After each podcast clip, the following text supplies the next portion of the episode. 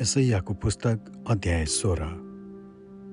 सेलाबाट मरुभूमिको पारी सियोनकी छोरीको पर्वतमा देशका शासकको निम्ति सौगातको रूपमा थुमाहरू पठाओ।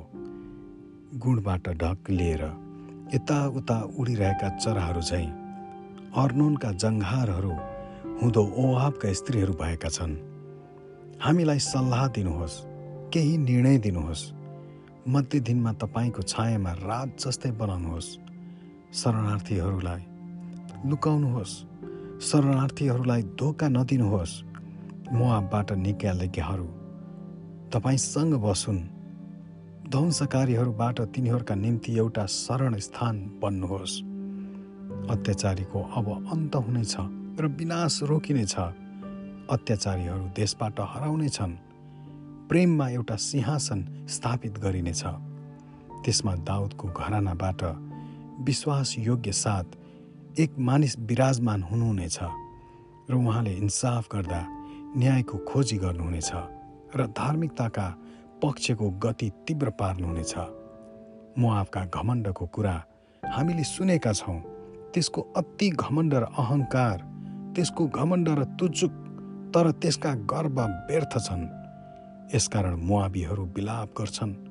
उनीहरू मुआबकै लागि एकसाथ विलाप गर्छन्। किर हेरेसेतका मानिसहरूका निम्ति तिमीहरू रो र विलाप गर। हेसबोनका खेतहरू र सिब्माका दागका बोटहरू पनि ओइलाउँछन्। जाति जातिका शासकहरूले त्यसका असल असल बोटहरू खुट्टाले कुल्ची मिल्ची गरे। जुनहरू पहिले याजेरसम्मै पुगेका थिए र मरुभूमिसम्मै फैलिएका थिए।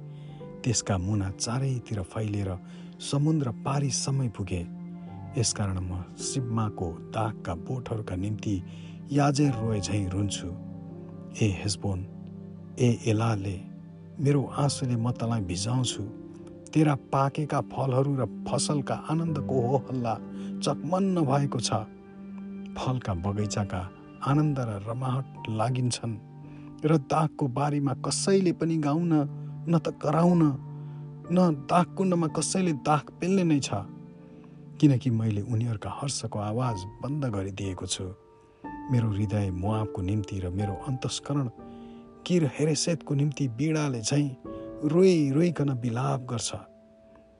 जब मुआब आफ्नो अग्लो स्थानमा भक्ति गर्न आउँछ त्यो थाकेर हैरान मात्र हुन्छ। प्रार्थना गर्न पूजा स्थानमा आउँदा त्यसलाई केही लाभ हुँदैन। मोआबको विषयमा परमप्रभुले पहिले नै भन्नुभएको वचन यही हो। तर अब परमप्रभु यसो भन्नुहुन्छ ठेक्कामा लिएको नोकरले गने झै तिन वर्षभित्रमा मोआबको गौरव र त्यसका सबै मानिसहरू तुच्छ ठहराइनेछन्। त्यसका बाँचेकाहरू चाहिँ साह्रै थोरै र कमजोर हुनेछन्। आमेन।